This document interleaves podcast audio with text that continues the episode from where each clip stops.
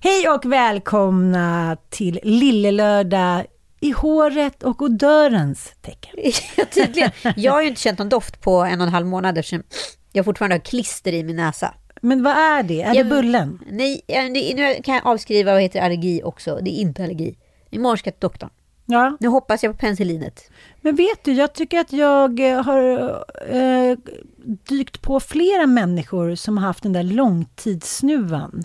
Vad fan är grejen? Jag vet inte. Så jag har liksom ingen, ingen heller ingen koll på min egen odör. Jag kanske går runt och stinker mutta. Mm, Det är väl härligt i alla fall. Då kan du starta ett så här gopljus som Gwyneth Paltrow. Paltrow. Anitas mutta. The fish away. The fishy way.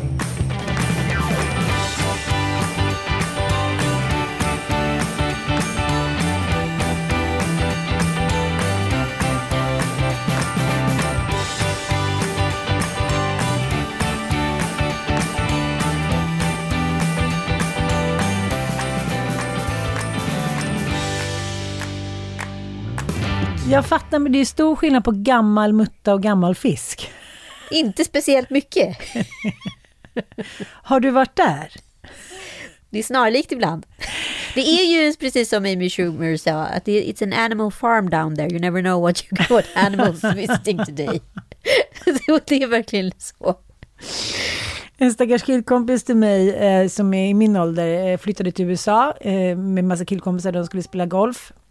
Ungdomens dagar, ja, men inte jättebevandrade i, inom sexualitetens eh, tvära snår. Utan de var väl där, var väl 19-årsåldern, de delade på något rum där. I den här lilla kuststaden och några fick väl ligga, några fick inte.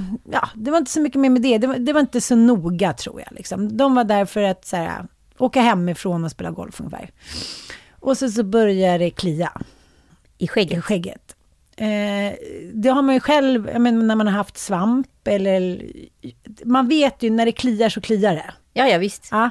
Men det finns ju the holy grail of itching. Vad är det? Det är...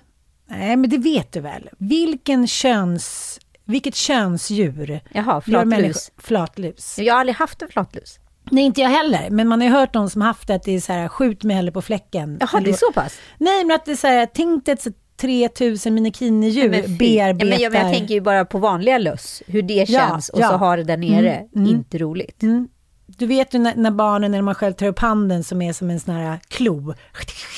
Då vet man att så här, då är lusen tillbaka. Ja. Och han ligger där på sin lilla madrass som han är då, han kanske inte är högst i rang i det här grabbgänget. Nej? Och då är det alltid så här, då, då får man ju ligga sämst, sova sämst. Ja, det, det är som det alltid har Ja, varit. det är en hierarkisk Hierarki, ordning. ja. Ja.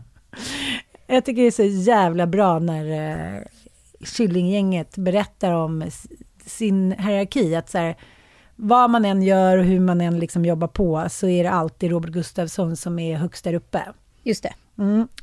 Det var inte riktigt så här kanske. Och så han vaknar då på natten av känslan att så här, 200 000 kliande soldater har så här, vandrat in på Mars i hans Nopedoni-skägg. Och när han beskriver hur det var, hur vidrigt det var att ligga med de här flatlössen och klia sönder sig och inte riktigt våga säga någonting heller. För han, det hade varit bättre om han hade legat. Men nu var det ju bara att han hade legat på någon gammal äcklig madrass liksom. Så iväg på något så apotek där i Amerika, den lilla staden och sen så på med det där så här. Men när han beskriver det så förstår jag verkligen hur vedervärdigt det måste vara. Jo, men alltså det är ju paniskt. Det är Mm. ju paniskt att ha löss generellt. Ja. Och jag kan tänka mig där nere. Ja, men fruktansvärt. Ja. Jag kan tänka mig att det inte är så mycket, mycket liksom utbredning på flatlussen idag för att det inte är så mycket hår där nere längre. Det är sant. De är ra- bortrationaliserade. Exakt. Mm. Jag fattar, Ja, jag men fattar. alltså, varför, jag tänker nu på alla som så här är, är liksom anti, eh, ja vad ska jag säga, den typen av rakning där nere. De skulle alltid, alltid kunna claima att det liksom motverkar flatlust. Varför är det ingen som har tagit det greppet? Gud, vilket grepp. Vilket grepp!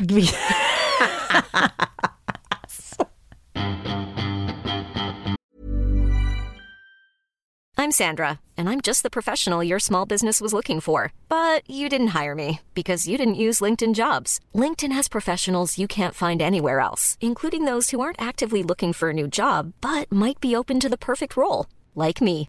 In a given month, over 70% of LinkedIn users don't visit other leading job sites. So if you're not looking on LinkedIn, you'll miss out on great candidates like Sandra. Start hiring professionals like a professional. Post your free job on linkedin.com/people today. Many of us have those stubborn pounds that seem impossible to lose, no matter how good we eat or how hard we work out. My solution is PlushCare. PlushCare is a leading telehealth provider with doctors who are there for you day and night to partner with you in your weight loss journey. They can prescribe FDA-approved weight loss medications like Wagovi and Zepbound for those who qualify. Plus, they accept most insurance plans. To get started, visit plushcare.com slash weight loss. That's plushcare.com slash weight loss. Ja, eh, jag har ju träffat vår eh, nemesis. Eh, ja, mycket kärt eh, återseende. Inte för att han visste vem jag var, men jag tyckte att det var ett kärt återseende. På Jill Johnson träffade jag Jan Emanuel. Våran nemesis, han är ju, han är våran kompis nu för tiden. Precis. Men han har fått jobba för det. Verkligen. Nej, vi var på Jill Johnson, hennes nya show, och han var där med, gissa vem? Hans son, Nej. Väldigt otippat. hans fru. Nej, hon är ju väldigt hemlig, men eh, jag trodde inte ens att han hade någon fru. Jo gud, ja, de har ju gifta sedan tusen år. Ah, okay. ja, men hon är ju väldigt incognito. Verkligen. Nej, han var där med, eh, om jag säger trummis, vad säger du då? Kicken. Ja. Kicken i Puddles. Alla kanske vet att de är jättebra Jag kompisar. hade ingen aning, men det, skulle, det, det är ju så här, om jag skulle få gissa på någon, eller sätta honom i mitten av någon form av kändiskarta och så dra olika så här, streck till olika personer som jag tror att han hänger med, Ja. då skulle nog Kicken åka med. Jo, men Kicken är ju allas polare. Ja. Han är ju den eviga ungkaren och då måste man ju alltid ha nya polare. Men, du vet, man har en idé om hur det var att gå i högstadiet på liksom 80 eller 90-talet med en kille som hade så här hårdrockar pudelfrilla och den typen av skämt som den killen Ah, drar. ah, ah. Det är ju Kicken. Mm, Ja, Men jag kommer ihåg när vi var på Fångarna på fortet, då var ju Kicken där. Ja. Eh, och så var det ju Sandra Dahlberg och massa olika människor. Eh, och då var ju Kicken så här. Glöm inte tanställningen! Och så pekar han liksom på en kundvagn. Ja, men du förstår, Ja. den typen av humor. Jo, men det har ju bara så här gamla 80-tals hårdrockare. Man, man vet att det inte har hänt någonting sedan högstadiet. Ja, det är fattar, samma liksom, fattar. humorkartotek som följt med hela vägen. Ah, Okej, spot din dejt. Så här, har han liksom mognat och gått vidare eller är han kvar i en era? Ja. Säg det skämtet. Mattias skulle skratta så mycket så att han skulle kikna. Är det sant? Nej, det, det, var, det kommer vara det roligaste han någonsin hört. Jag tycker, tycker att det är lite gulligt. Jag tyckte själv att det var lite roligt. Säg Ja, det igen, säg det igen, jag har redan glömt. Glöm inte tanställningen! Till en kundvagn. Det är roligt. Ja, fast. Men Ann, Okej, förlåt, förlåt. Ja, vi var där i alla fall och jag ville då ta en bild och skicka till dig. Jag tyckte att det här... men Jag, tyckte att, jag vet inte varför jag tyckte Men det var kände så han igen roligt. dig? Nej. vad fick du säga då? Nej, var det jag var jobbigt? så här, hej, tack så jättemycket för att du var med i, vår podd och så här. Jag tror redan han, för han trodde att den hette Lill-lördag. Ja. Alltså inte Lille Lördag. Och så, så fick jag liksom förklara mig då. Så, ja, men det var ju för att... Eh, eh, ja, men vi hade, skriv, vi hade pratat om... Eh, jag förklarade, för, du vet, oversharing. Typ, det är liksom fem minuter kvar tills det började. Jag skulle säga, men då var, hade vi pratat Du om som också är så tre kortfattad pappor. och Ja, ja, ja. summerad. ja, men då lyste han upp. Men han har ju fort, han kanske är med i något här vadslag, för han har ju aldrig blinkat. Han kan ju inte ha blinkat på flera år. Jag försökte göra några Han, handgrejer. han kanske jobbar med mina ögondroppar. Som Nej, men han blinkar inte. Jag vet. Prova själv att- inte blinka på tio Det- sekunder, man blir sinnessjuk. Ja. Ja, vi behöver inte utveckla det. Ja, så så var det, så det var lite, eh, jag mötte Lassie. Spännande. Hur var Jill? Kan vi prata lite om Jill? Självklart. Här har vi en kvinna som både eh, kvinnor och män vill ligga med, gifta sig med, hänga med, resa med. Alltså hon är ju någon form av fenomen. Hon är gudomlig. Och hon är också the real shit. Ja, Hon är the real thing. verkligen. Eh, jag lipade så mycket och eh, liksom det är någonting med hennes röst, jag vet inte. Den är liksom, den är helt perfekt. Ja, men den slår ju an de här perfekta country-vibrationerna. Precis som First Aid Kit eller Dolly Parton. Alltså det finns en, liksom ett vemod, fast väldigt högt upp på toppen. Och det är det här som är så sällsamt på något sätt. Det, det, det är liksom inte alla kvinnor som begåvas med det eller mästrar det. Det går säkert att göra. Om du och jag skulle kämpa jättemycket i någon form av kör samsång så kanske vi skulle eh, inte, ens träffa hela vägen, men vi kanske skulle nosa på det. Ja, Men när en person har en sån soloklinga, då är det ju något alldeles, alldeles unikt. Och sen supertight band såklart. Och sen den ena liksom kreationen efter den andra. Klänningar och så tuttarna. och Liksom, she's all woman. Och hon står för det. Ja. Och jag tycker liksom... Ja. Sen Lipa en del, det var mycket av hennes dotter då som hade flyttat till USA när hon var 16. Och hon sa någonting som slog mig, som var så himla fint. Vi kan väl höra lite när hon sjunger med sin dotter först.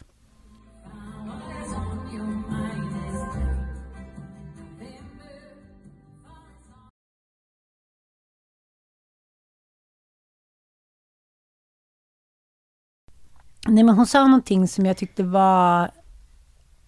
Jag tänkte som att det förändrade mitt liv lite. Jaha. Men hon sa så här, att hennes dotter var så himla bestämd att hon skulle åka på ett eh, ja, men collegeår i USA. Så var det bara. Hon skulle dit och hon liksom slogs för det och hon gjorde det. Och då så sa Jill, istället för att jag trodde att hon skulle säga så här, ja men det var den jobbigaste dagen i mitt liv och så där som jag håller på att klidra och ska gå in i känslor och jag ska bli övergiven och bla bla. Så sa hon bara, det kändes så otroligt mäktigt och stort att min dotter åkte iväg nu och jag inte skulle vara den viktigaste människan i hennes liv. Mm. Och så tänkte jag så här, vad fint om man istället för att gå in alltid i känslor av att det är någonting sorgligt och jobbigt och ett kapitel som avslutas och jada, jada, jada när ens barn ska bli självständiga och se det på det sättet, att de vill verkligen någonting och då är man flera som delar på ansvaret och det är någonting stort och fint liksom. Ja, alltså det är ju en del av vuxenblivandet. Jag tänker på det ofta med barnen. Att man så här, man tror liksom att man ska få ut en liten replik av sig själv innan man skaffar barn. Och så inser man att det är en helt egen individ som har egna viljor och värderingar och gör val. Och så har man dem bara till låns jävligt länge liksom. Och det är ju, smärtar ju såklart. Jo, men jag tänker ändå när någon går... Jag har en tjejkompis vars dotter började skidgymnasiet i år efter nian. Ja, de har ju haft dem alldeles för kort. Nej, men det, det tycker jag är för kort. Ja, jag flyttade hemifrån. Ja. Gymnasiet liksom. Första året. Men, men det, liksom, det var ingen stor grej, tyckte du? för mig, idag, att jag skulle skicka iväg Penny i 16 år, vilket hon i och för sig ska, hemskt, till London ett år. Ah, okej, okej. Ja, nej men det, det, det är ju... Nej, inte just nu känns det ingen farligt alls. Nej. Hon är så självständig. Skit, Hon skulle lillskit- kunna dra nu. Typ. Ja, men lillskiten, honom, honom kommer jag ju säkert, säkert ha kvar hemma till han är 30. Liksom. Men, eh, nej, men hon är ju så här, hon har ju velat, alltså hon var ju Säng i ditt rum. typ... Nej, men, Men allting handlar ju om ens, om ens egna sätt att tolka sina barn.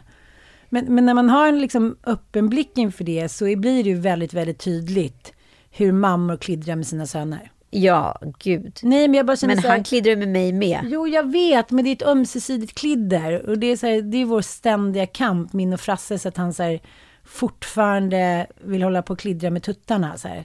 Man har på med bröstvårtan, dra i den, snurra den. Äh, liksom, det, det är som en maktkamp som pågår. Och fortfarande värre än att säga så här, du vet, jag, jag slår ju bort handen, jag är aggressiv, jag, är liksom, jag slåss ju för min kropp. Han var så här, äh, då går jag, i natt då går jag ut. Då lämnar jag sovrummet. Jaha, gör det då. Komma tillbaka. Om jag bara får hålla handen. Jaha. Så Liksom, om den Ja, bara kan... kan bara ligga där. Ja. Ja. Och då känner jag så här, men som att jag skulle tillåtit en, min dotter sex år. Nej men absolut Nej, men inte. det, det skulle inte ens finnas i min tankevärld. Det är så här, ja, ja, det är så de är. Och den där forskningen som vi pratade om, när man har en asymmetrisk kärlek.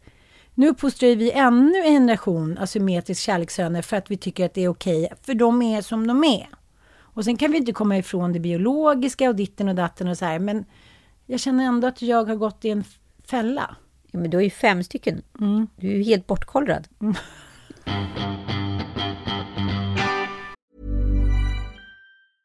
A lot can happen in the next three years. Like a chatbot may be your new best friend. But what won't change? Needing health insurance. United Healthcare Tri Term Medical Plans are available for these changing times. Underwritten by Golden Rule Insurance Company, they offer budget friendly, flexible coverage for people who are in between jobs or missed open enrollment. The plans last nearly three years in some states, with access to a nationwide network of doctors and hospitals. So, for whatever tomorrow brings, United Healthcare Tri Term Medical Plans may be for you. Learn more at uh1.com. This is Paige, the co-host of Giggly Squad, and I want to tell you about a company that I've been loving, Olive and June. Olive and June gives you everything that you need for a salon quality manicure in one box. And if you break it down, it really comes out to $2 a manicure, which is absolutely insane. It's also so easy to get salon worthy nails at home with Olive and June. The difference between how your nails used to look when you did them yourself and now with the Manny system is a complete game changer. The best thing about Olive and June too is it's a quick dry. Dries in about one minute, lasts for five days, and full coverage in up to one to two coats. Visit oliveandjune.com slash perfectmanny20 for 20% off your first system. That's oliveandjune.com slash perfectmanny20 for 20% off your first system. Nej, men jag tycker det är också så, här, så otroligt så här, tydligt för att eh, jag vet inte om det ligger någonting i det här, men jag vet Penny, hon vill ju liksom ligga själv när hon var bebis. Hon ville sova solo, hon ville inte vara nära. Nej. Jag försökte och hon bara. Då började hon gnälla och så fort hon fick sova själv då bara somnade hon superlugnt och tryggt. Eh, och sen så lillskiten, eh, han har ju velat ligga på. På eller väldigt, väldigt nära. Eh, och hon var snabb ut ur magen. Han var, hade för sig att han hade bråttom, sen ångrade han sig. Skulle in igen. Nej men eh, du vet, det, det, jag tycker att de har varit sina egna personer sedan de föddes. Liksom. Hon, hon har ju liksom längtat att bli vuxen från den dag hon föddes. Alltså på något sätt. Liksom. Hon, hon går ju bara och så här, tyck, harvar på och står ut med barndomen på något märkligt sätt. Jo men, Jag fattar vad du menar. Men jag tänker också att det är lite intressant när du säger, nämner det att han, man trodde att han skulle komma ut snabbt, men han gjorde inte det. Om jag tänker hur mina fem barn, i vilken liksom hastighet de har kommit ur min kropp, ja. så följer det också hur de har blivit sen. ja. Ossian, till slut så bara liksom gav barnmorskan upp och sa liksom, vet jag orkar inte mer, har du något förslag? Jag säger, ja, nej men tack så jättemycket, förstagångsföderska, eh, svårt liksom medvetslös, men jag ska bara tänka ut någonting. Har ni förresten en tratt? Nävertratt. så det blev ju, eh, ja men tång, ja. Sugklocka. sugklocka ja. Och eh, han ville verkligen inte komma ut liksom. Nej. Och det, han vill hålla sig fast liksom. Och sen kom Elon, typ glada 20 minuter, bara pff, gjorde så att jag höll på att förblöda, kom ut för snabbt. Han var ju också så här, jag går och lägger mig. Man bara, nej, du ligger i en låda för att du är typ åtta veckor, du kan inte gå och lägga dig själv. Han var liksom klar. Ja, han var klar. Sen har ju han varit high maintenance på många andra sätt liksom. Ja, ja. Det är ju inte så att de är enkla bara för det. Nej, nej, och Dante var så här, ja men åtta glada timmar liksom. Det är lite som han är, lite så här, Han är en vanlis. Ja men en vanlig, han går och lägger sig, han går upp. Det är, ja, ja, men han följer kanske ett vanligt mönster då. Och så tycker jag även, ja jag vet inte, Frasse och Bobo. Ja, det är jävligt ont att få ut Bobo. Ja, lite piper där, men ja, Frasse. Nej men Frasse är väl... Men han är väl rätt känslig och liksom ja, lite omständlig. Liksom, Precis, person. precis. Och Frasse var ju helt i, han var ju kall när han kom ut. Va? Han fick ligga under värmetemperatur på minus 23. Men nu, herregud, nu vet man att man lever. Mm, Ja, nej, men jag vet inte, jag tycker de är, jag blir liksom var färdiga direkt på något Mm. konstigt sätt. Det är kanske liksom en efterkonstruktion, inte vet jag. Och vi ska prata lite om efterkonstruktioner idag och eh, det som skedde autentiskt på plats. Precis, Eh, så det är en del av poddens innehåll. Så varmt välkomna till lördag, nu åker vi. precis.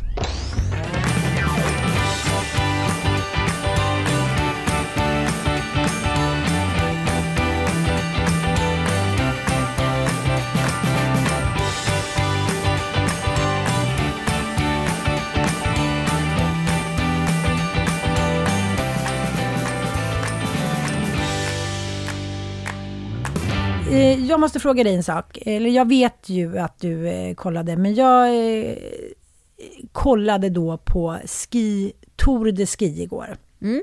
Eller det har ju pågått i flera dagar. Eh, skyndade mig hem inifrån stan för att kolla då på det sista åket med ja, svenska skidlandslaget tjejer. Och hamnar liksom mitt i eh, Frida Karlsson. Hamnar mitt i Frida Karlsson, vad ska man säga, det kändes ju som att det var, att hon var ute och skulle rädda hela Sverige. På någon, med någon så här fana, Gustav Vasas liksom, dotter är på väg ska frälsa Sverige. Det kändes ju som att det var en krigsrapportering snarare än en skid, ett skidlopp. Ja, jag håller faktiskt med. Jag, jag kollar på Viaplay och så tänkte jag väldigt mycket på att så här, det kommer finnas ett innan och ett efter det här, oavsett hur utgången är. Mm, mm. Nej, men eh, Frida Karlsson eh, har ju vid tidigare tillfällen eh, visat att hon, eh, alltså hon, hon, hon kör verkligen in i kaklet som det heter i sportsammanhang. Och det är ju någonting som är väldigt upphöjt och fint. I, det har det alltid varit i fädens spår och skidåkning och all sport handlar ju om att den som tar ut sig mest utan att typ ramla ihop vinner. Ja, ja, ja. ja och just längdåkning är ju, jag måste nästan säga, är inte det den tuffaste sporten av dem alla? Alltså det är ju egentligen en extremsport. Ja. Nej men alltså, inte, i alla fall de här sprintarna, de är ju rätt vansinniga. Den här sprinten gick ju också upp för. Det var ju upp för en slalombacke som var rätt brant.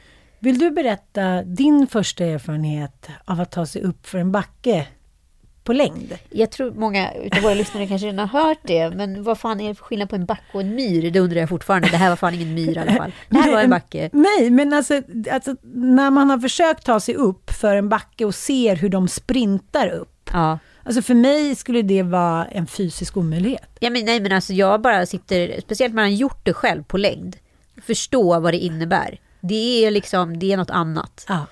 Det är något vansinne. Alltså de är sådana fysiska monster, de här kvinnorna och männen som gör det här. Och ibland tänker jag så här, varför gör de det? Men så förstår jag ändå, för prispengarna var ju på 60 000 schweizfranc. Mm. Så det är klart att prissumman är attraktiv i sig, förutom alla sponsoravtal och medial uppmärksamhet och mm. allt som kommer med det här liksom, paketet. Eh, men det som sker när Frida kommer i mål, vi kan ju lyssna lite här. Den andra någonsin då för Sverige. 2008 Charlotte Kalla, 2023 Frida Karlsson. Väl kämpat och i mål just där då. Otroligt trött, men lycklig och vinner. Här kollapsar ju hon. Mm. Vi ser ju att armarna liksom bara... Det här är inte en person som tar emot sig i någon form av fall. Nej, för det som blir så tydligt också att hon tar sig ju knappt över mållinjen. Det, det finns ingen så tanke att det kanske kommer ett gäng bakom som ska försöka ta sig över mig, utan hon, hon svimmar ju hon av. Hon stupar. Ja, hon, hon, som hon säger också själv, jag minns ingenting av de sista hundra meterna. Nej, och det är ju så uppenbart. Så hon är ju liksom medvetslös. Hon har ju bara gått på någon form av liksom reptilhjärna in i målet. Ungefär som när du åker Vasaloppet. Ja. Men det jag måste säga att även alla som har tävlat i sådana sammanhang, det är inte så att man åker där och tänker på pengarna. Nej. Utan hon är ju liksom, hon försöker ju bara överleva. Ja, men plus att så här, de, är ju, de tävlar i den här idrotten utav en anledning. Det är väl hela deras liksom, liv Mm. och allting kretsar väl kring det. Liksom. Men, till att börja då när vi hör eh, reportrarna att det är så här, ja men bra jobbat. Man märker att så här, det här är någonting som premieras. Att Frida, hon är liksom tjejen som aldrig ger upp. Och det där kan jag känna igen mig i, att så här, men det vet man ju med Ann, hon kommer ju klara det, hon kommer aldrig ge upp. Men, men då tänker så här, till vilket pris ibland så får man den bilden av sig själv. Den kanske liksom inte ens stämmer. Nej, och kommer det vara värd det i förlängningen? Men sen är det ju så här intressant för att Frida pratar rätt mycket om, nu ska jag verkligen inte dra några stora bragder och paralleller till mig själv här, men att, man, att kroppen reagerar ju väldigt märkligt i kyla. Eh, Det var ju inte speciellt kallt ute, men den här typen av uttömning, det gör ju saker med kroppen. Hon tappade ju känseln i både armarna och benen, eh, här berättar hon ju, och sen så var hon ju liksom, hon var ju alltså helt utslagen, så hon fick ju liksom bli väckt till liv med lite så här slag och lite socker i princip. Och jag kommer ihåg när jag åkte, jag åkte Vasaloppet, Ja, vi måste lyssna lite. Alltså, jag var liksom helt så här, men vad fan, tar aldrig slut? Nej. Det tar aldrig slut. Nej, för det är det. Nu kommer svackorna komma lite. Ja, jag fattar. De har redan börjat. Ja, och här mår ju jag bra. Allt är toppen. Jag tycker det är kul. Lite stel kanske, men ändå Ja. okej. Du, hade- du, du hade ju... Du hade ju mer gears i vikt än vad du själv väger. Tyckte du? Nej, men älskling, det är det roligaste jag sett. Världens minsta människa på skidor har liksom så mycket grejer. Det är sockersaltlösningar och det är små bars och frukter, bla bla bla. Det är så här, skulle det hjälpa, trodde någon? Nej, men Anna Haag kom ju, det var ju de som hade sagt att jag skulle ha massa, jag hade gjort Ja. egna såna här små, det, vad heter det, powerbars hemma. Och liksom, jag hade gjort allt som de hade sagt åt mig att göra. Jag hade aldrig gjort det här tidigare. Nej, och sen när, när Anna Haag får se på mig, syn på mig, då ser jag ju ut som så här Skalman ska ut och åka. Ja. Alltså jag har ju så mycket grejer, jag är ju liksom klotrund på överkroppen. Det, det var verkligen Skalman på skidor. Bara, här är mitt lilla tält som jag kan fälla ut. Ja, det var lite som när jag skulle åka Vätternrundan. Jag åker liksom eh, på en cykel som väger tre gram. Alltså bara balansera den. Jag har liksom inga kläder för att det ska gå så snabbt som möjligt. Ja, men sätt mig på en skeppshult med liksom en eh, radiobandspelare och så här 10 Big Mac så kommer det gå bättre. Alltså, jag tror att det är det, när människor är så inne i sin liksom, professionalism så kan de inte tänk, gå utifrån det. Jag tänker, då tänker jag så här, men den här tjejen har ju kört 17 mil hela sitt liv. Vi måste ju bara se till att hon kommer i mål, vare sig det tar... Men då tänker de så här, det ska gå snabbt och hon ska, liksom, hon ska kunna maxa. Jag ska kunna maxa, jag skulle äta var 20 minut. Och jag hade ju liksom ett alarm som ringde var 20 minut då. Där jag fick vara tvungen att stanna i spåret och äta varje gång jag tog av mig alltihop och stod i fem minuter. Skitsamma, det var inte det jag skulle prata om. Hur som helst så, så stånkade jag ju på där. För jag förstod ju att så här, men gud, här, jag kan ju inte hålla på och äta så här mycket. Det här går Nej, inte. det Det är ju bara att kasta tillbaka. utrustningen och liksom kör. Ja. Ja, det gjorde jag det. Och då får jag någon form av...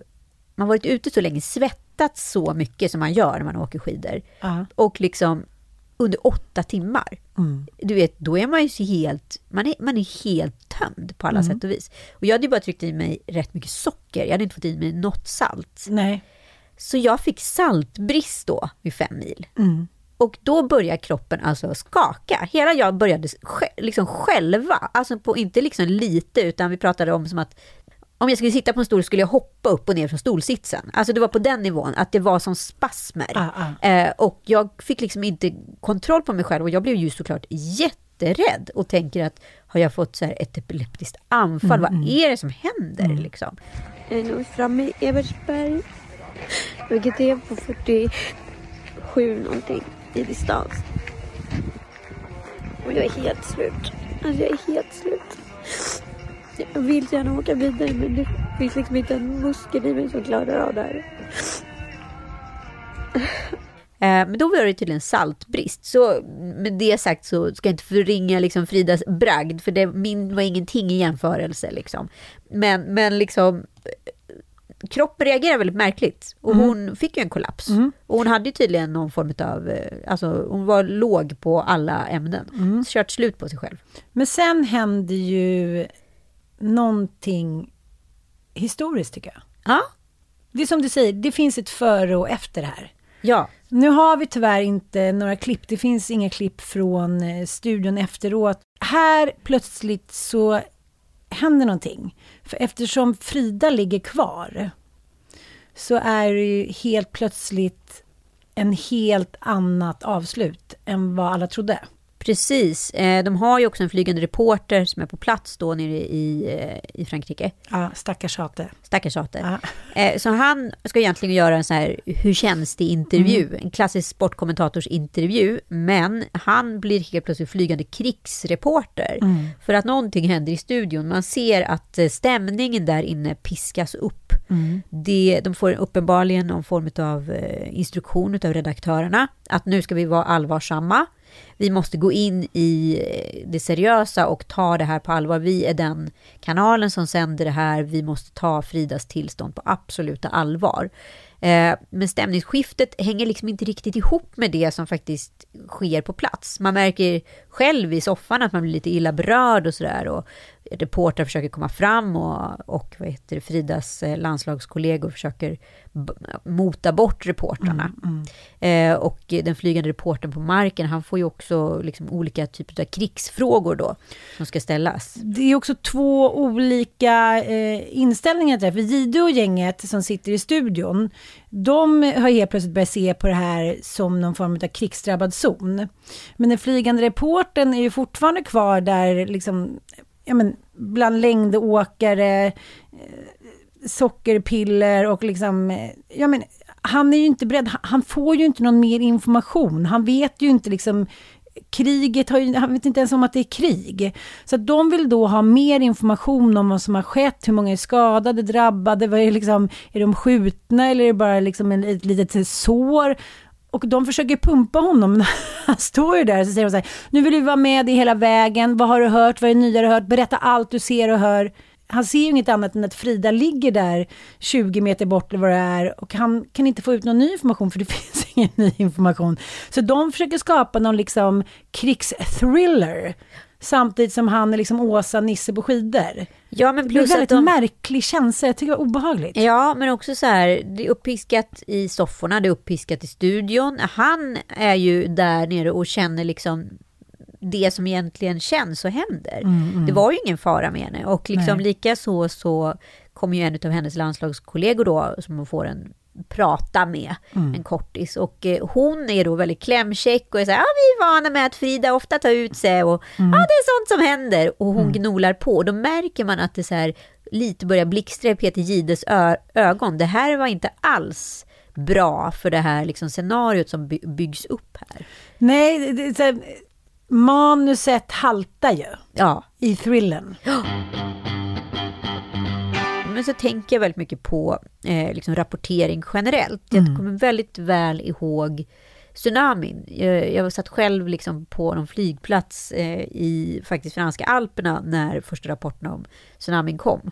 Och då var det väldigt så här, vad ska jag kalla det för, pubertala rapporter. Man visste inte omfattningen, man visste inte vad det innebar, man visste knappt vad en tsunami var. Man hade liksom inte Nej. hört någonting. Och då var första rapporten att en stor våg har träffat eh, lite hotell i Thailand. Här är kändisarna som är semestrar i Thailand. Så var det mm. liksom lite kändisrep och så var det liksom fråga svar med x antal kändisar. Man kände så här. Ja, och sen när man börjar förstå omfattningen av det här och att det här är liksom en nationell katastrof. Mm. Då blev, ändrades ju tonen rätt fort i nyhetsrapporteringen från det putslustiga ja. till något annat. Och då börjar man också kritisera den gamla typen av rapportering. Ja, men det har ju också rasats då på Twitter för att eh, Per Forsberg då som är sportkommentator, han säger det viktigaste av allt är att Frida Karlsson har vunnit. Och det är ju inte det viktigaste av allt, säger då Peter Jihde direkt. Utan det viktigaste är ju att Frida mår bra. Mm, så mm. här börjar också bli en konflikt då mellan eh, vad vi nu ska rapportera. Mm, mm. Handlar det verkligen om att Frida ska må bra? Det här är ett lopp som hon skulle till att vinna. Eller nu handlar det helt plötsligt om att Frida ska må bra. Så nu måste vi in och redigera precis. Kan, det som ska precis vi börja fira eller ska, liksom, ska vi fortsätta att rapportera om från kriget? Ja. ja. Men det som jag tycker är lite märkligt, för lite senare då så får de ju eh, en kommentar från Per Pliggen Andersson. Ja fantastiskt namn. Per Pliggen mm, Andersson. heter ju alltid otroliga saker. Ja, otroliga grejer. Eh, han säger då, jag förstår att den här kollapsen väcker oro hos tv-tittarna. Man får det såklart, är det här hälsosamt? Kan det ge men i framtiden? Eh, men som han säger med sin erfarenhet att liksom, det här är den högsta möjliga stressen man kan utsätta sin kropp för. Men eh, om man är så vältränad som Frida så är det ingen fara eh, om du är helt frisk. Liksom. Och då tänker jag så här, det kanske hade varit det viktigaste för dem att leta reda på pliggen. Det är klart att det, man blir berörd av, av de bilderna det, det, är ju en, en av de mest extrema fysiologiska utmaningar man, man kan utsätta sig för. Eh, just med tanke på att man, man har haft många lopp i kroppen och sen så avslutar man med, med den tuffaste av de tuffaste etapperna man kan tänka sig. Så att det är klart man, man, man blir berörd. Rent medicinskt så, så är det ju det är klart man funderar kring, ja men är det här hälsosamt eh, eller kan det här få men för framtiden? Men det, det, vi, det vi har sett och det vi Den erfarenhet vi har är ju att eh, även om man blir så eh, utpumpad som, som Frida blir så är det ju ingen fara så tillvida att du är helt frisk. Om det hade varit en regissör som skulle få någon form av utmärkelse kring det här som hände efteråt då, så hade ju hen fått hallonet. Alltså hallonet är ju, det är ju typ som Oscars fast för den sämsta Precis, filmen ändå. Diggbaggen. För att det, här är det ju, det finns ju ingen regi, för att alla vill ju på något sätt eh, ha ut olika liksom, innehåll av det som har skett. Ja, men precis. Och jag tror att de liksom, på ett sätt fanns det någon smart form av krisberedskap. De hade liksom uppenbarligen gått kriskursen Mm. om det värsta skulle ske. Mm. Men problemet var ju bara att de hade ju tagit ut det värsta som skulle ske Ja. lite för tidigt. Mm. Typ Så- efter 20 sekunder. Ja, så att det blev liksom, det blev liksom falsk Ja. sång i det Mm. hela. Så att om man tänker sig, sen några timmar senare så är ju Frida och hela eh, Skidetor-gänget på bussen och då firar ju de med champagne och då låter det ju så här. Ja, Frida Karlsson repade sig och eh, det blev firande igår efter segern. Här härliga bilder tillsammans med övriga svenska åkare. Segern, alltså den första svenska sedan Charlotte Kalla vann touren 2008. Eh, så då eh, korkar hon upp en flaska champagne och är så lycklig och livets glada dagar. Det är tre timmar senare än hon nästan är dödförklarad. Ja. Mm. Det går fort i hockey Ja. och i skidor. Ja, Lille Lördag går vidare i kungen och fosterlandets töcken, eller tecken. Det beror på hur man vill se det. Det beror.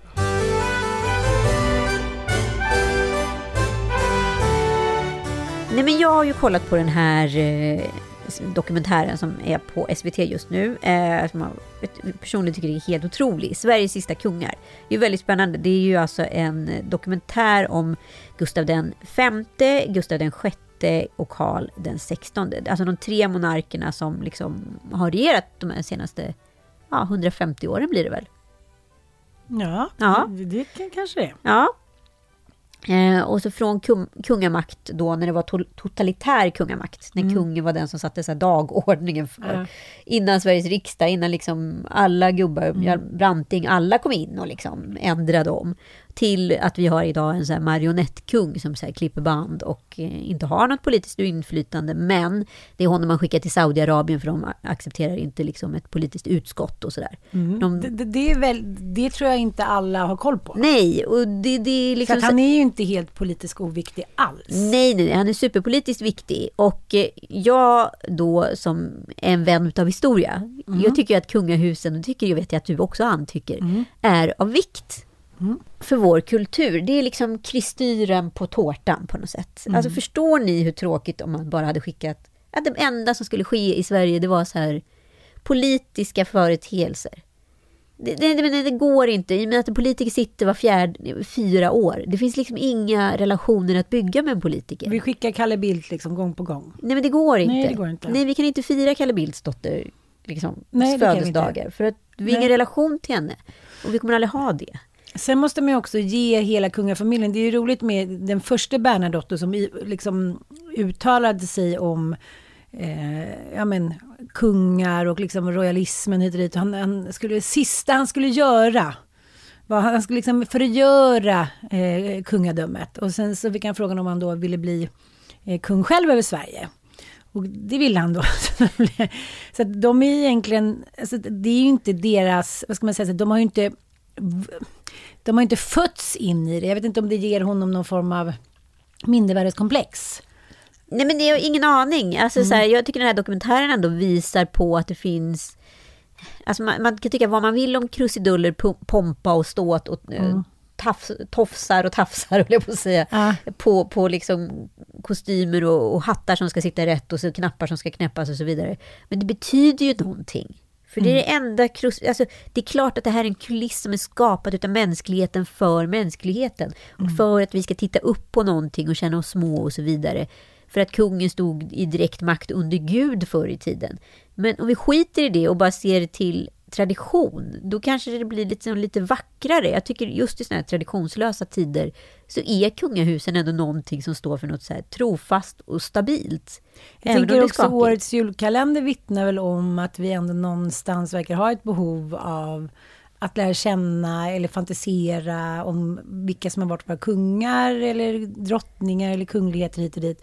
Ja, jag håller med dig, jag håller med dig. I Ja. en tid av oro Så är kungen ändå bra att ha. kungligheter och galor. Eh, Och i vår tid av oro så är ju våran kung Karl XVI Gustav, alltså han är ju 77 år. Mm. Det kommer alltså, i värsta fall, så kommer han trilla av pinn rätt snart. Mm. I bästa fall så har han liksom 10 till 15 år kvar. Ja, han kan ju bli hundra. Ja, det kan han absolut bli. Han har ju bra gener. De har ju blivit Mm. över 90. De där, alltså hans eh, farbror då, som var kung sist, eftersom hans pappa gick bort. Han var ju, blev ju över 90. Han var ju den äldsta kungligheten i hela Sverige. Så, men, men, men låt säga att han har liksom 15 glada år kvar. Mm, Det finns ändå ett slutdatum just nu för Mm. vår kung att existera. Min teori är att han kommer abdikera liksom, till sin 80-årsdag. Ja, det låter väl troligt. Ja, för det är mycket så här, det känns som det är lite överlämningsrapporter nu som sker. Mm. Att det håller på att liksom... Han gör någon form av bokslut Mm. liksom på sin tid vid tronen. Men jag tänker ändå på en sån figur som han är, som man har sett, som är så exponerad. Han ju 100% penetration svenska folket, skulle jag gissa Mm. på. Det heter det i så här exponeringssammanhang. Hur mycket, ex, hur mycket penetration har man? Mm. Hur välkänd är man? Och han är ju väldigt välkänd. Ja, gud ja. och jag tror lite som vi pratade om innan, att när han trillar av eh, sin kungliga pin, guldpinn, så kommer vi sörja honom på ett helt annat sätt än vad vi tror idag. Ja, alltså vi har ju inte respekterat honom speciellt mycket de senaste 20 åren. Men jag kommer ju också ihåg när jag växte upp de här, alltså de här julen med kungahuset. Ah. Det otroliga årsprogrammet som SVT kände. Och jag kommer också ihåg när de badade i någon badhus, han hoppade i med kläder och han var tokig, han busade väldigt mycket med barnen. Han var liksom en liten så här drömfarsa framför kamerorna. Och jag, jag tänkte så här, gud han är så härlig våran kung, så liksom den här relationen med kungen befästes ju väldigt tidigt och han kändes som en sprallig, kul kille. Mm, det gjorde och för sig alla på 80 och 90-talet. Exakt. Ah, Men jag tror att hemligheten bakom eh, liksom, hans framgång, att han också inte har, vad ska man säga, lynchats mer än vad han har gjort. Det är också att han är en lagom smart kille som gillar kröken, bilar, snygga kvinnor och sina barn.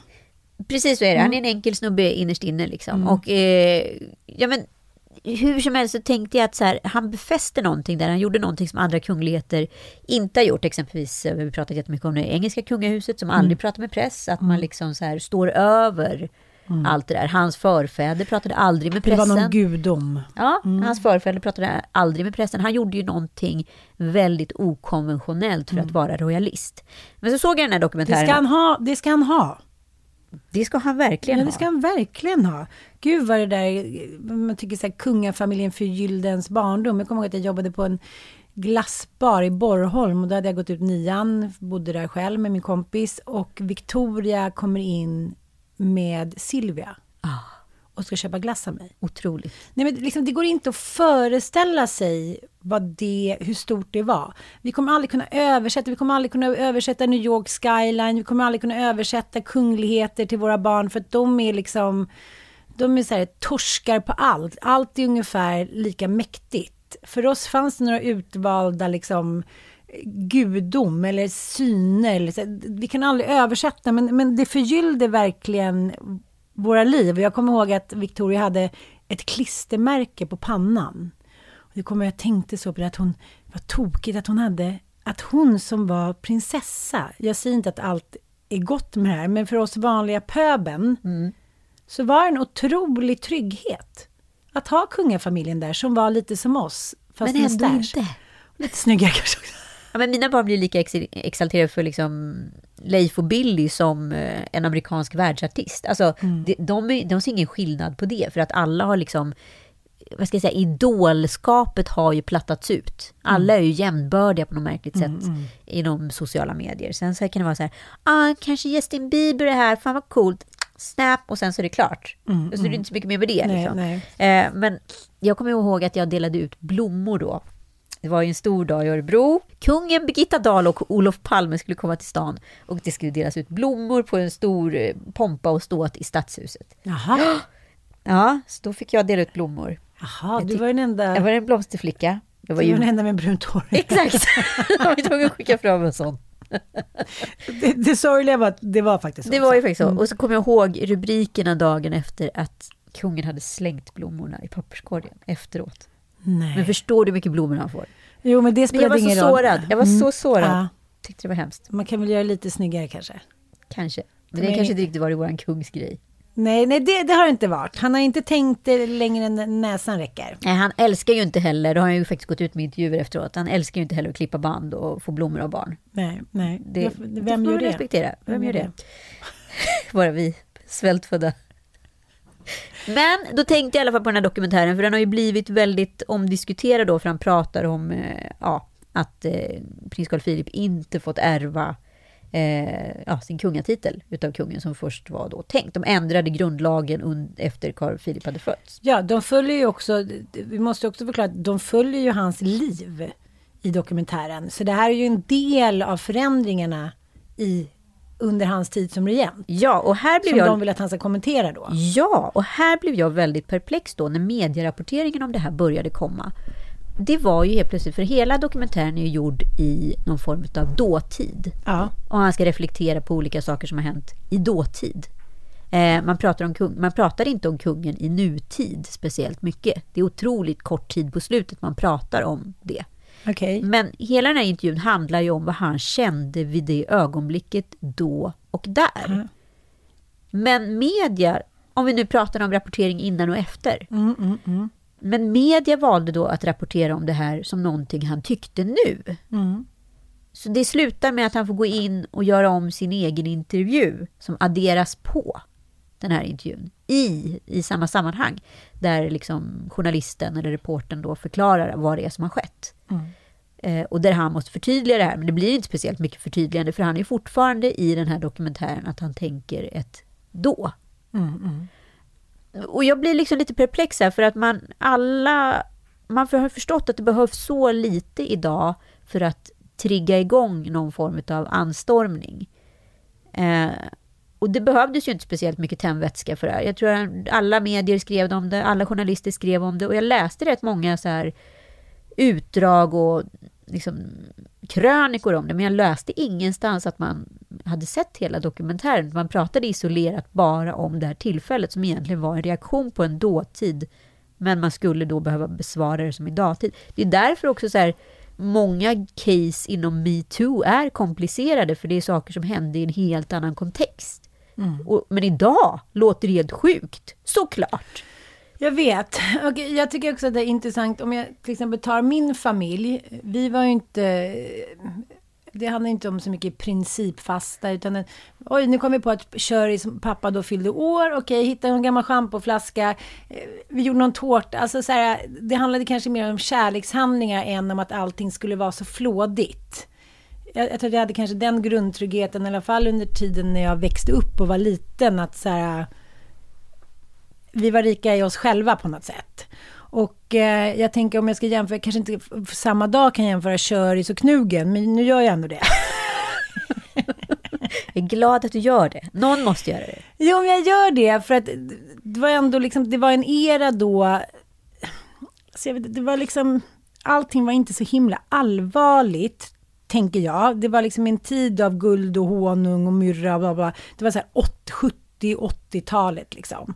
Man kunde klara sig på en lön när man ville. Det var inget konstigt att flytta runt. Det var ingen som blev anklagad för att ha förstört sina barns liv om de bytte för skola fyra gånger under uppväxten. Det kan nästan bara jämföra med när man är i Kalifornien, att så här, allt är möjligt. Allt var möjligt i Sverige. Liksom. Så kände jag i alla fall när jag växte upp. Ja, eller framförallt så var det liksom ingen som... Så idag ska det dras på så stora växlar för minsta lilla. Ja, och hade min pappa sagt någonting om mig, liksom Anson Fransson i en intervju, typ, ja men inte vet jag, vi jämför med, så, ja, man trodde att det skulle vara en liten kille och som skulle heta Åsa-Nisse och då skulle liksom det vara roligt om jag, alltså, vad som helst något liknande som då ponera skulle såra mig utifrån sett enligt andra. jag tror att det här är ju ingen hemlighet i, i, liksom, i kungafamiljen att han tyckte så. Jag tror inte att här, Victoria ligger och gråter på kammaren för att han har sagt det här. Absolut Jag tror hon känner inte. sig väldigt trygg i sin roll och liksom sin popularitet. Och jag tror att vi alla vet att Victoria förmodligen är bättre lämpad. Än någon annan. Ja, Punkt. inga namn nämnda. Så att, eh, jag, menar, så här, det här som du säger, jag, jag tror liksom... De kan ju inte klara av såna här frågor själva eftersom de är Sveriges mest kända familj. Men jag tror i deras familj är det här inte någon superbig att han har sagt det. För det är samma sak han har sagt hela tiden. Han ville att eh, Carl Philip skulle bli det och det ändrades i efterhand. Det störde honom. Det är klart att det störde honom Mm. och jag hade säkert också varit störd ifall det hade varit bestämt så. Det störde morfar Köris att jag inte gav barnen röd mjölk. Ja, Ja. exakt. jag gillar, gillar ändå jämförelsen, det måste jag säga. Nej, men jag tror inte det var så laddat och det blir så, jag tycker det är så problematiskt att så här, behöva tänka på det här innan och efter narrativet hela tiden ur det journalistiska perspektivet. Hur man bara valde att rapportera liksom, entränga om detta och raljera och nu måste han släppa det här. Det här var ändå 40 år sedan. Fast Han ju- har släppt det. Han har ju släppt det, det är ni som inte har släppt det. Eh, ja. Jag bara tyckte det var spännande Nej, utifrån Frida-perspektivet. Jag håller med dig. Jag håller med dig. Ett före och ett efter. Och det har ju också varit uppmaningar så här, lämna tronen på grund av den här kommentaren då. Ja, och det, det säger de i och för sig varannan vecka. Så. Ja. Men sen också den stora skillnaden är ju att när vi väljer våra politiker som vi eh, älskar att hata så är de ändå folkvalda. Det är ju inte våran kung. Nej.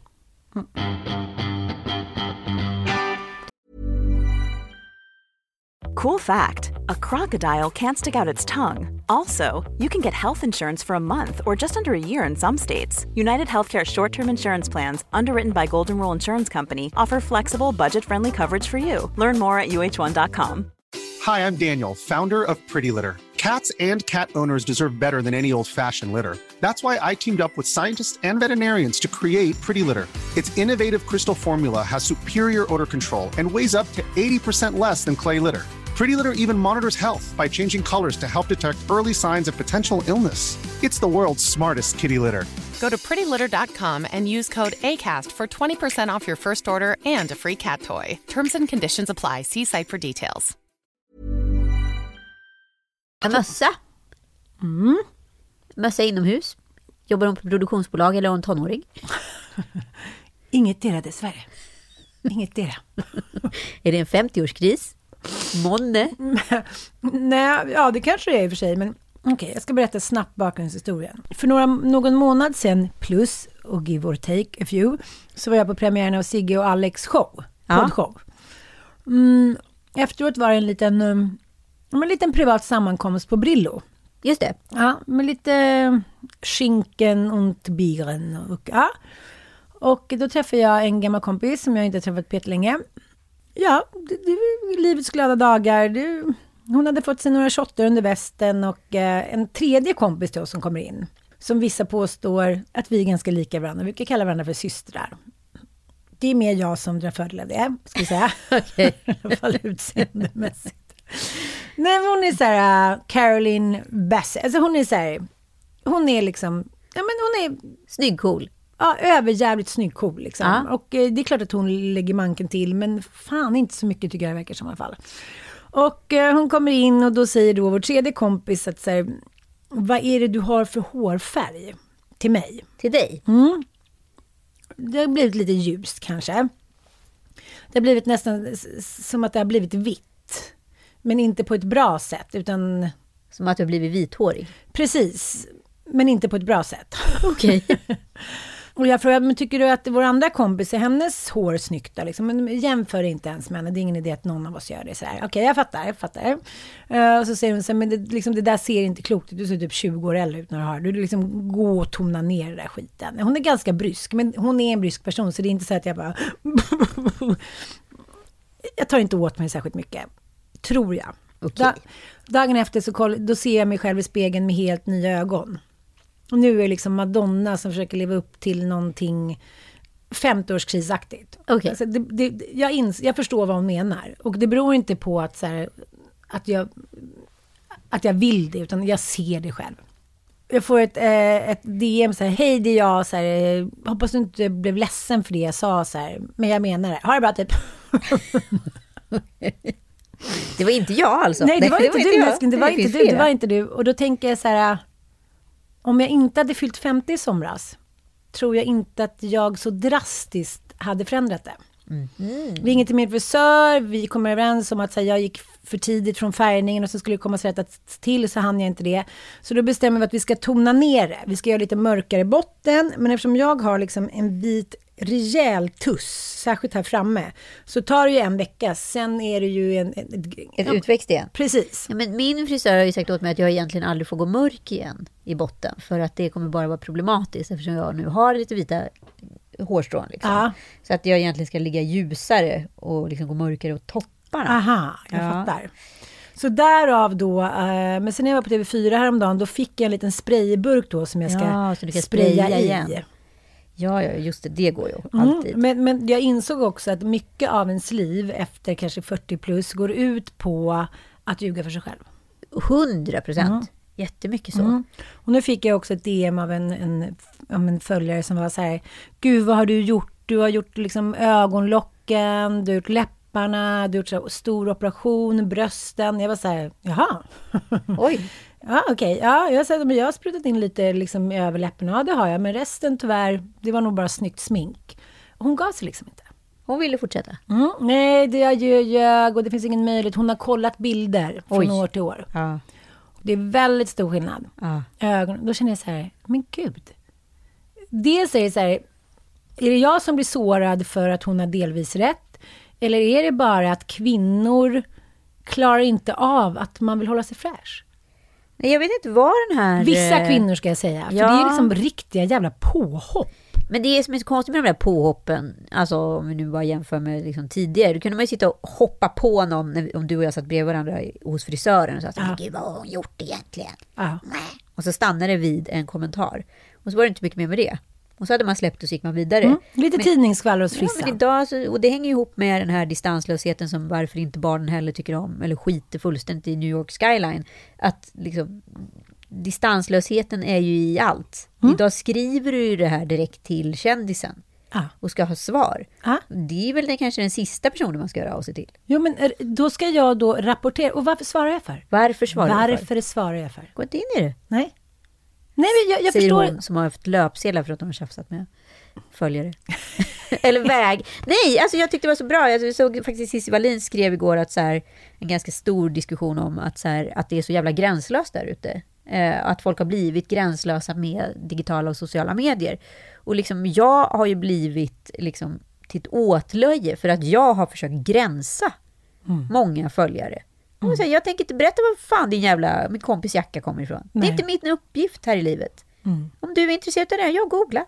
Leta själv. Mm. Det är så det funkar. Och eh, nummer två så säger jag, jag har inte lust att berätta vad fan jag gör på en semester. Hela tiden. Det kanske jag gör ibland, om jag känner för det. Men det är inget krav att du ska ha mig som en så här reseguide när du är Nej. ute och reser. Och då får jag skit i media. Alltså så har ju rapporteringen sett ut. Du är bortskämd. Jag är bortskämd. Men det är ju en gränslöshet där ute som är så påträngande liksom. Man har tillgång till allas liv hela Ja. tiden. Och innan kan jag tycka att det var så här, ja men det var vissa som så här Pernilla Wahlgren och de som från spermer har varit kända människor. De fick minsann ta att de skulle bjucka på sitt liv. Men nu gäller det ju varenda jävel Ja. som överhuvudtaget syns i media. Ska rapportera förbehållslöst om sitt liv. Ja. Om vad man har gjort, om man har klippt sig, fixat någonting, hur man pippar, om man har bantat, bla bla bla bla bla. Jag vägrar gå med på det. Och ändå Nej. kan jag inte låta bli att ta åt mig. Nej, då så. Ja, så är det. Jag har i alla fall tagit ut mina extensions. Jo. Jo, tack. Nej, nej. Det var vad det var. Nej, men vet du, när man har så här tjockt hår. Det var jättekul. Vi hade roligt med varandra. Ja, Jag var snygg ett tag. ni dansade en sommar. Ja, men när man har så här tjockt hår och har extensions. Det är nästan klaustrofobiskt också. Berätta lite. Ja, men speciellt man tränar. Ja, nej, Och blir, du vet, jag är ju mm. lockig. Det är ju inte så att jag är naturligt rak. Mm. Så jag är lockig så att sen, när fort jag tränar så blir mitt hår lockigt. Då har jag liksom en hockeyfrilla direkt. Jag fattade bara stå rätt upp. Ja, Mm. så att det var ju liksom, det blev väldigt mycket så här, tänkte jag sen, jag kanske ska strunta i att gå och träna idag, för jag vill inte hålla på och fixa med håret. Vilket blir också ett felbeslut. Ja. Liksom. Otränad och långt hår eller tränad och kort hår? Exakt. Det är frågan. Ho hockey eller pocky? Men nu har det ser ändå ut som att det, nu är det minikini-page. Ja, nu är det minikini-page. Nu är det Mm. inte långt kvar. Nu är snart över stupan här. Nu Får jag bara Kommer- härda ut. Kommer vi skriva något kontrakt om att vi aldrig gör om det här? Ah, Alltså jag sa också in, efter jag hade klippt mig att säga, ja, jag kommer spara ut håret igen, men jag kommer nog aldrig ha sådär långt hår. Vet du, det är det enda jag tänker på. Att Det här långa svallande håret. jävla hår jag ska ha. Ja, för fan ska växa och växa och växa. Ska vara Sanna Lundell långt. Mm, nej, jag fattar. Bes- Besatthet Mm. hos mig på ett obehagligt sätt. Men en besatthet kan ju ta sig många uttryck. Jag har nämligen spottat den nya 50-årskrisen hos män.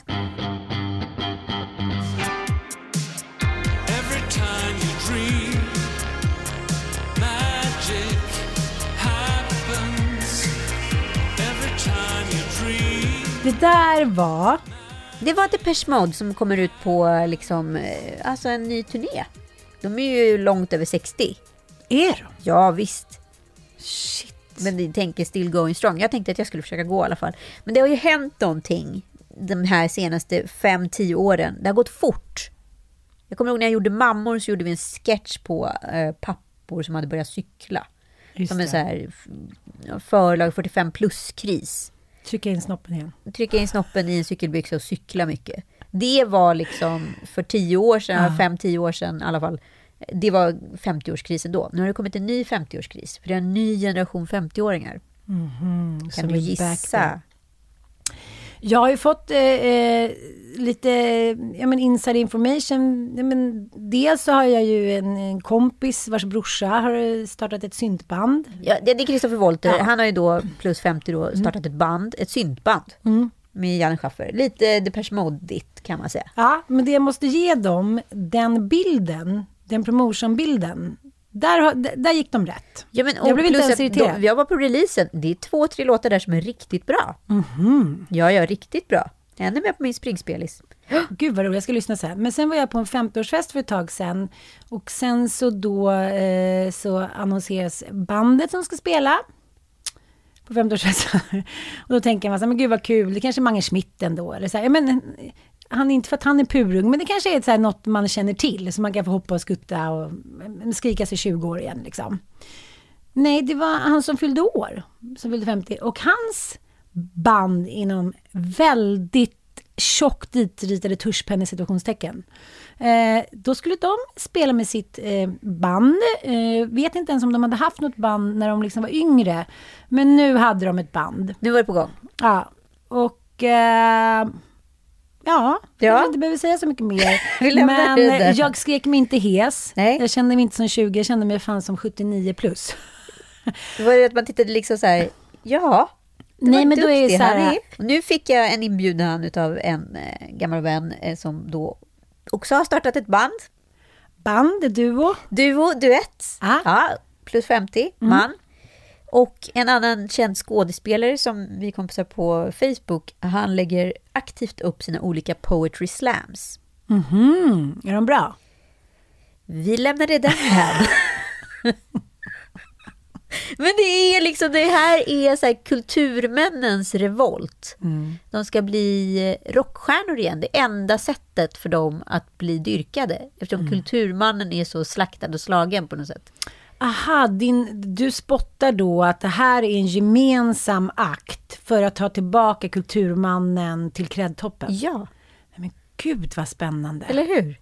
För jag, jag, jag har inget emot det, för i Kristoffer Wolters fall så tycker jag eh, att de är skitbra som du säger. Jag tycker att det är en jätterolig idé, jag blir sugen på att titta. Ja. Men så är det ju inte alltid. Nej, så är det inte alltid. Nej.